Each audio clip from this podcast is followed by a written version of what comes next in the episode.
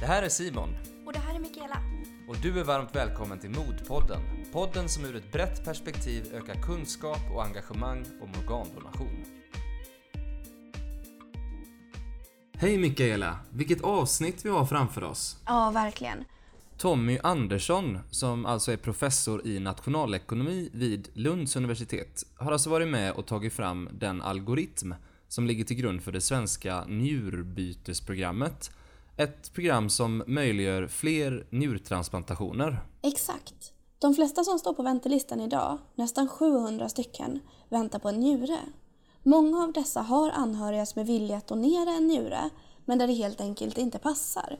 Det kan finnas antikroppar eller annat som gör att det inte matchar. Och det här har Tommy och hans kollegor en lösning på. Genom njurbytesprogrammet kan man paras ihop med ett annat donator och mottagarpar, där vilja finns att donera men där njurarna ändå inte matchar. Och på det här viset kan en njurdonation och sedermera transplantation möjliggöras för båda paren. Tommy kommer berätta allt om det här i podden. Det är så himla spännande. Vi fick träffa honom en dag när han kom upp från Lund. Och vi är väldigt glada över det. Nu kör vi! Hej och välkommen till Tommy Andersson. Tack så mycket. Vad kul att du vill vara med i Modpodden. Ja, tack. Det är fantastiskt kul att vara här. Vem är du Tommy? Jag är då professor i nationalekonomi vid Lunds universitet. Och min forskning går ut på hur man ska para ihop saker, hur man ska matcha olika saker. Och det kan vara allt möjligt från hus eller njurar till exempel. Och det är därför du sitter här idag. Det är exakt därför jag sitter här idag. Precis. Och först vill vi fråga, har du en personlig koppling till organdonation eller transplantation av något slag? Jag har ingen personlig koppling förutom att jag nu för tiden jobbar med det, men jag har ingen nära vän eller släkting som har blivit transplanterad. Och hur kommer det sig då att du som professor inom nationalekonomi har valt att engagera dig i det här ämnet? Ja, det kommer sig egentligen av mitt forskningsområde. Därför att det är nämligen så här att många människor i min profession, inklusive en nobelpristagare som heter Albin Roth, har funderat på hur man kan organisera olika marknader mer effektivt. Och en sån här sak man skulle kunna göra mer effektiv, det är hur man allokerar organ. Och det har varit en stor forskningsfråga de senaste tio åren. Vem ska få ett organ? Hur ska man få ett organ? Hur ska man organisera organ helt enkelt? Mm. Så på grund av detta så kom jag in i den här branschen kan man säga. Så vilken är då den egentliga idén bakom den här matchningen av njurar då? Ja, idén bygger ju på att, som alla kanske känner till, att om man är i behov av att få en ny njure intransplanterad så kan man få det egentligen på två sätt. Antingen får man det från en avliden donator eller också får man det från en levande donator. Och en levande donator är typiskt en vän eller en kollega. Men även om det är så att man har en levande donator så är det inte säkert att man kan ta emot njuren. Och det beror på att det kan förekomma vissa typer av inkompatibiliteter. Och de kan då föreligga i blodgrupp eller vävnadstyp. Så att om jag kommer in på sjukhuset och säger att jag har en donator som vill donera till mig så är det inte säkert att det går. Och det vi då tänkte på att men kan man inte utnyttja det här på något sätt? Att det är någon som faktiskt vill donera en njure men som inte kan donera. Och då kommer man in på det här med njurbytesprogram. Och idén är väldigt enkel. Man har en donator som vill donera till någon, men man kan inte donera till den personen. Och då kanske man kan donera till någon annan person istället. Och i utbyte får den personen som man ville från början också en njure donerad till sig då, från någon som de inte känner i sin tur. Det är det som är själva tanken, att vi skapar en bytesmarknad för njurar. Så om man kan exemplifiera då om jag och Mikaela här är ett donator och mottagarpar och du och din kompis Sven, som vi säger, sitter bredvid det här, är ett donator och mottagarpar. Och jag vill ge min njure till Mikaela, men jag kan inte det. Och Sven vill ge sin njure till dig, men han kan inte det. Då kan Sven ge sin njure till Mikaela och jag min njure till dig. Det är exakt så. Exakt så. Och eh, det här låter ju väldigt enkelt i teorin, för det är exakt så enkelt som du förklarade. Det som är problemet, det är ju att beroende på vem som då ger till vem med de här systemen, så kan olika många människor bli transplanterade. Och det är där matematik och algoritmer måste komma in. Så vad man gör egentligen är att man samlar i en stor databas alla de här typ av paren som du beskrev. Alltså en, en patient som har en levande men inkompatibel donator. Vi samlar alla sådana par i en databas. Och sen försöker vi räkna ut vem som ska donera till vem för att man ska kunna transplantera så många patienter som möjligt. Och då behövs en dataalgoritm och det är sånt som jag jobbar med. Och du har skrivit den algoritmen?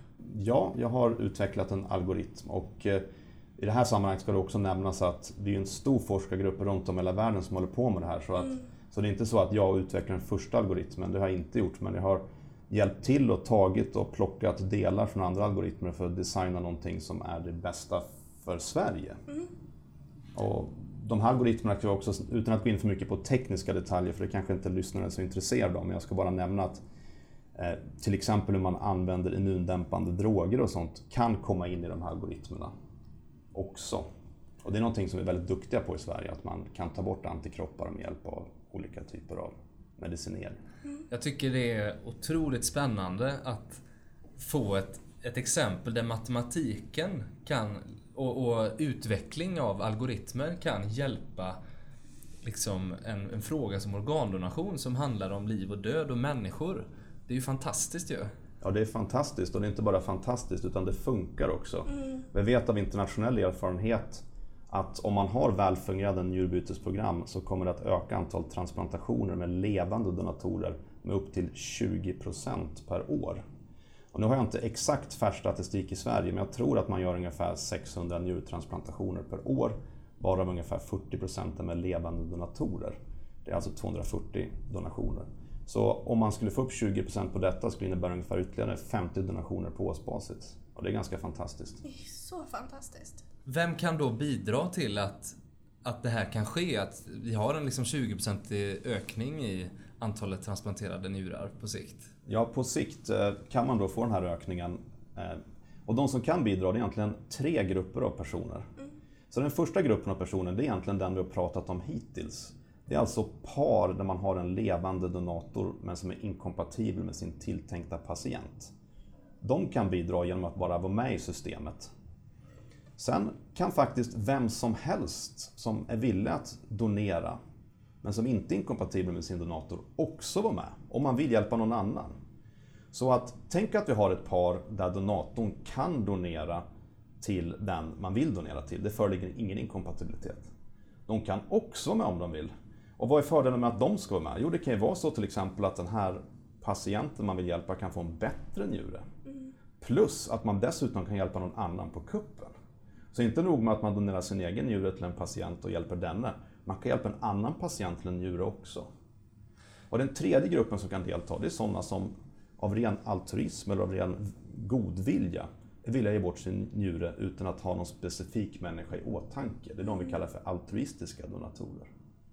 För visst är väl den vanligaste formen av donation i termer av levande donation mellan personer som känner varandra?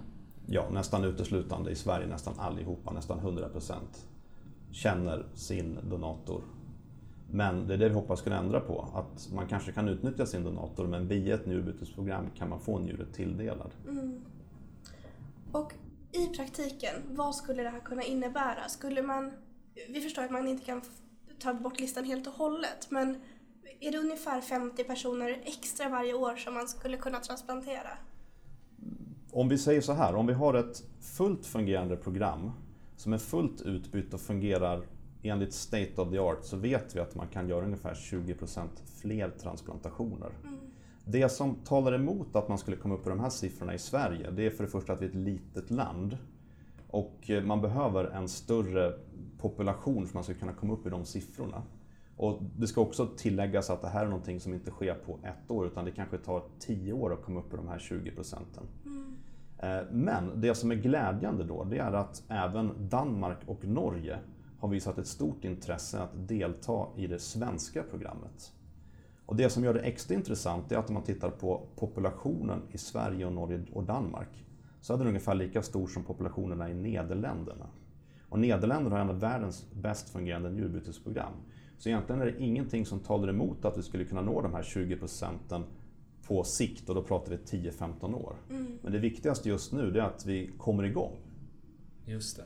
Jag, jag sitter ju här nu och kan inte släppa riktigt det här med algoritmen. Du sa tidigare att eh, vi ska inte prata om det tekniska, men om vi bara i, på, med, med ett par enkla ord förklarar hur, vad är en algoritm? Alltså hur, hur funkar det här egentligen? Ja, hur det funkar det är att, som jag sa tidigare, att man utgår då från en databas där man har alla de här paren som vill vara med i programmet.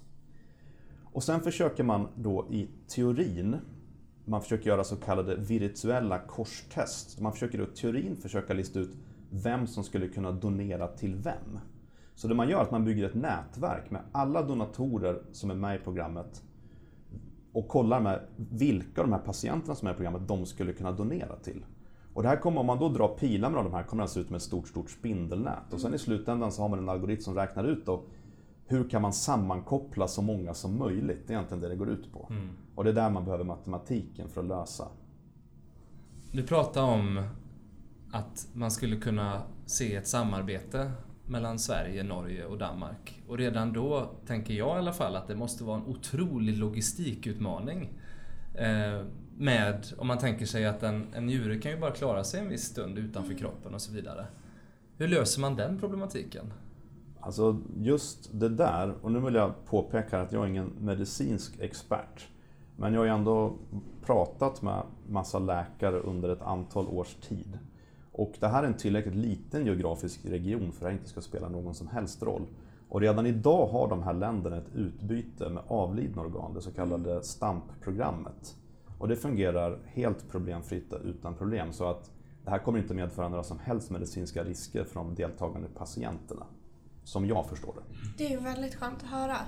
Eh, jag och Simon pratade innan du kom om vad skulle hända om någon backar ur eller om någon är med om en olycka eller på annat sätt inte kan, kan donera sitt organ? Ja, det är en väldigt bra fråga. Och eh, det finns en del regler då för hur man gör. För det första är det så att alla som är registrerade i den här bas, databasen, de kan gå ur när de vill. Det är inte så att om man registrerar sig så måste man vara med för livstid, utan, utan man kan hoppa av om man känner för det. Till exempel om det är en olycka eller om något annat skulle inträffa, exempelvis om man hittar en ny kompis som kan transplanteras som redan är transplanterad. Så att gå med i programmet är riskfritt i den bemärkelsen. Sen kan det då inträffa det som, även fast jag har en algoritm som försöker att lista ut vilka som skulle passa ihop, så måste man så småningom ändå blanda blod och göra korstester för att se om det faktiskt fungerar i praktiken. Mm. Och där kan det ju då ske ett problem. I det svenska programmet så har vi valt att börja precis som man gör, har gjort i alla andra program med bara så kallade parvisa byten. Så vi har inga långa cykler eller långa byteskedjor. Mm. Så Men bara värsta, den här som jag, vi pratade om tidigare? Bara exakt den du beskrev, då två par är inblandade. Så det värsta som kan hända om ett par dras ut är att ett, ett annat par blir drabbat. Yeah. Men eh, det finns ju såklart matematik för att lösa det här även om man har mer komplicerade program.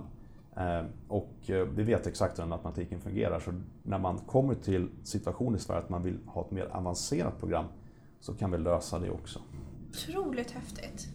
Eh, och jag tänker också, de här patienterna som, om, om man pratar om två par, får de träffa varandra på sjukhuset och liksom ligga rum vägg i vägg till exempel?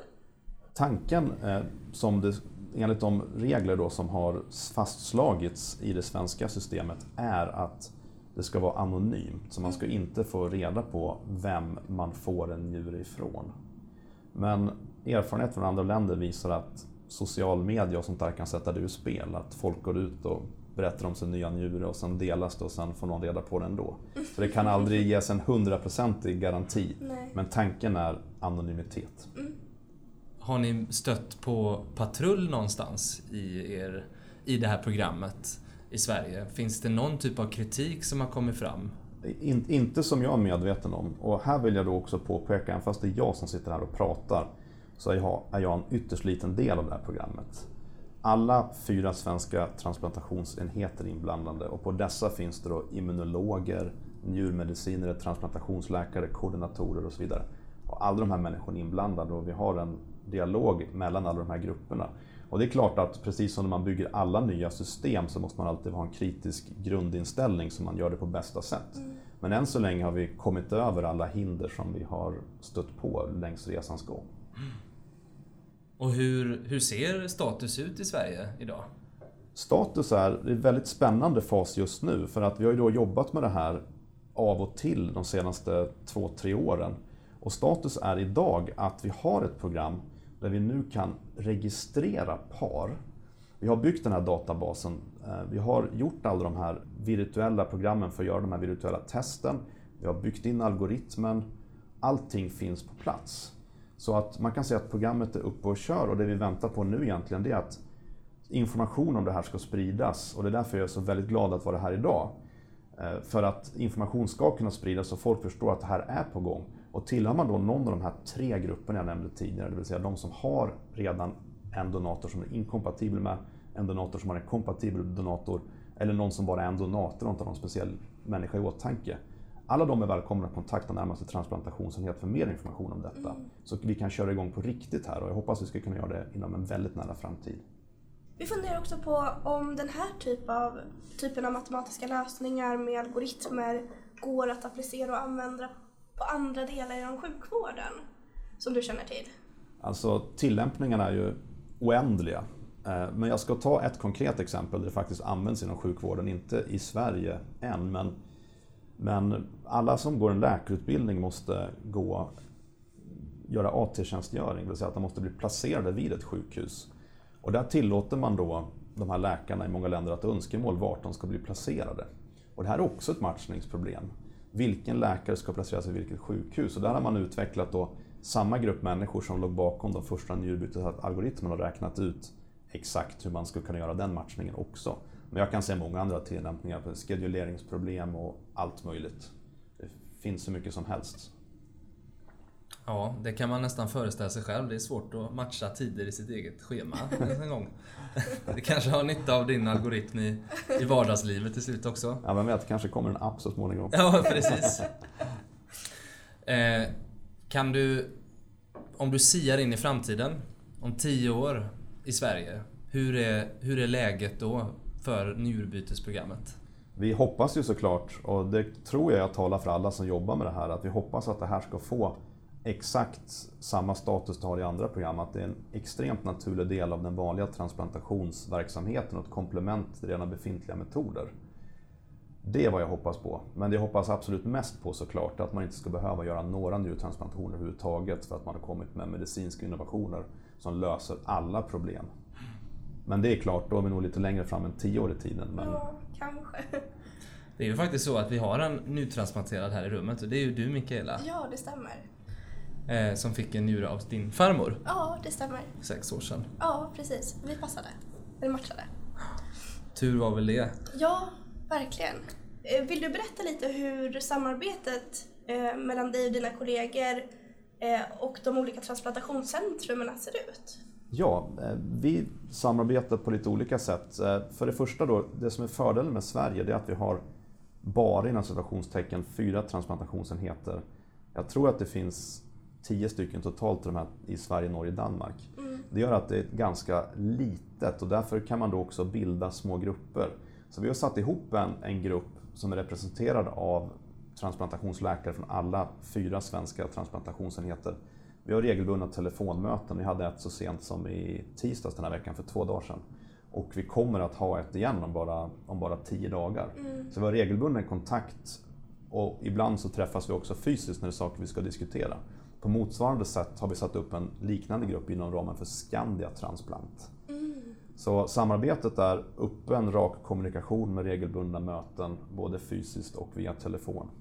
Och hur, hur, hur är det för dig att jobba och komma från en annan disciplin än den medicinska och jobba inom, inom den medicinska världen, inom sjukhuset? Jag tycker det är alldeles fantastiskt av flera anledningar. En anledning är att jag får lära mig otroligt mycket om antikroppar och antigener och transplantation i allmänhet. Och det tycker jag är väldigt spännande.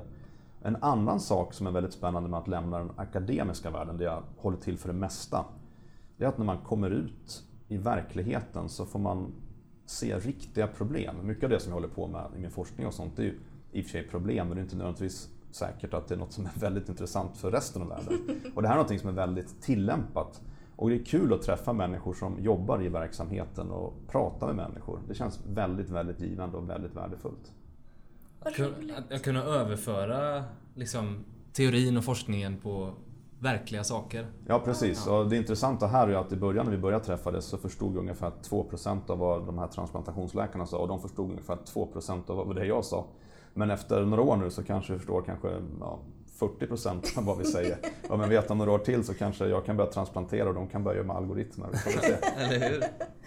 Eh, innan vi började spela in så berättade du om hur det ser ut i USA. Vill du berätta det igen, när de började med de här eh, där och hur det ser ut idag?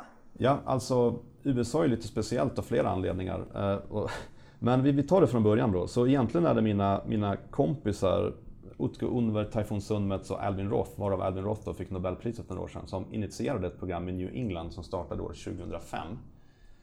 Och det här har då spridit sig världen över och när man började i USA så precis som jag sagt tidigare att det gäller att man måste få njurprogrammen att bli en del av transplantationsverksamheten. Så i USA gjordes bara en ett handfull operationer det första året och idag gör man strax under 1000 per år inom ramen för njurbytesprogrammet. Och det här har då spridits då till många delar av världen och jag är medlem i ett europeiskt nätverk där vi, vi som håller på med matchningsalgoritmerna bakom de olika njurbytesprogrammen träffas regelbundet ungefär en gång var fjärde månad och diskuterar hur man kan göra de här algoritmerna bättre. Och då är det ganska fascinerande att se hur fungerande de här programmen är. Och i många länder som till exempel i England, i Holland, i Spanien och många andra ställen så gör det då, görs det då hundratals transplantationer varje år. Och ingen av de här transplantationerna hade kunnat genomföras utan de här algoritmerna och den här matematiken. Och framförallt utan då ett stöd ska lämnas återigen från transplantationsverksamheten, de som kan det här på riktigt. Mm. Vi andra, vi är bara inne och fuskar lite grann och försöker hjälpa till. Men det är en ganska häftig grej faktiskt. Verkligen. Är du själv eh, uppskriven i nyutbytesprogrammet i Sverige? Alltså, jag hade utan tvekan valt att ställa upp om det hade varit så att jag hade känt någon som jag ville donera till. Men nu gör jag inte det och eftersom jag har tre barn så vill jag inte ge bort min njure till någon jag inte känner. Än. Men jag är fortfarande bara 42 år gammal så vem vet om 10 år när mina barn är på det säkra så är det någonting jag definitivt överväger att göra en så kallad altruistisk donation. Och givetvis om det är någon jag känner jag vill donera till så gör vi det via njurbytesprogrammet, självklart. Det låter bra. Bra att höra. Tommy, finns det någon som du skulle vilja att vi intervjuar i ett kommande avsnitt av Modepodden? Erfarenhet har ju visat att njurbytesprogram, vi har inte pratat om byteskedjor men det är någonting som också finns i njurbytesprogram. Att njurbytesprogram blir extra kraftfulla om så kallade altruistiska donatorer kommer in. Det vill säga de som donerar till någon, vem som helst utan att ta i åtanke och hjälpa någon specifik. Hade ni kunnat få tag på en altruistisk donator, sådana finns i Sverige. Hade ni fått tag på en sån och få höra hur de tänker kring altruistisk donation hade det varit alldeles fantastiskt. Är det någonting Tommy som vi inte har berört just nu som du skulle vilja nämna så här avslutningsvis? Nej, det jag skulle vilja nämna det är att jag hoppas att alla som lyssnar på det här delar den här länken i sina sociala medier så att vi får spridning. Och om det är så att ni har några frågor så, så kan ni kontakta mig. Jag heter då Tommy Andersson, Lunds universitet. Men ni kan också kontakta era transplantationsenheter i närheten eller någon njurmedicinare eller för den sakens skull, gå in på mer organdonation. De har också information om detta. Så det, det är det jag skulle vilja säga, att jag uppmanar alla att, att verkligen lyssna och sprida detta. Och det andra jag skulle vilja säga är att jag vill uttrycka min djupa tacksamhet till alla människor som jobbar med transplantation i Sverige. Inte nödvändigtvis bara njurar, utan i allmänhet. Det är, det är väldigt häftigt att få ta del av den här fantastiska verksamheten och jag är väldigt glad att jag har fått göra detta. Jättefin avslutning. Fantastiskt att du kom och gästade oss i Mordpodden Tommy. Tack så jättemycket för att jag fick komma. Otroligt eh, trevlig intervju och vad mycket vi har lärt oss. Ja, verkligen. Tack så jättemycket. Tack själva. Vilken bra intervju! Det här är ett solklart bevis för att organdonation och transplantation är ett exempel på ett område som involverar så otroligt många forskningsområden. Att en nationalekonom ser ett behov i en verksamhet och löser det på det här magnifika sättet är helt enastående. Ja, verkligen. Tommy och hans kollegor är riktiga hjältar tycker jag. Och det här initiativet är inte bara fantastiskt och viktigt. Det är också riktigt spännande att få se hur olika forskningsområden kan kombineras och sammanföras och att teorier om marknadsallokering och matematik kan appliceras på en, ett område som faktiskt handlar om människors liv och hälsa. Som organdonation gör. Det är jättefräckt tycker jag. Ja, och Tommy berättade också att med hjälp av den här metoden kommer man kunna transplantera många fler. Vilket är väldigt viktigt. Det här är ett steg i rätt riktning mot att ingen ska behöva dö i väntan på ett organ. Till nästa gång så kan ni höra av er till oss på Mordpodden med frågor eller kommentarer. Det gör ni lättast på podden merorgandonation.se eller så kan ni skriva till oss på vår Facebook-sida Mer organdonation eller via vår hemsida www.merorgandonation.se. Vi hörs igen nästa vecka. Ha det fint!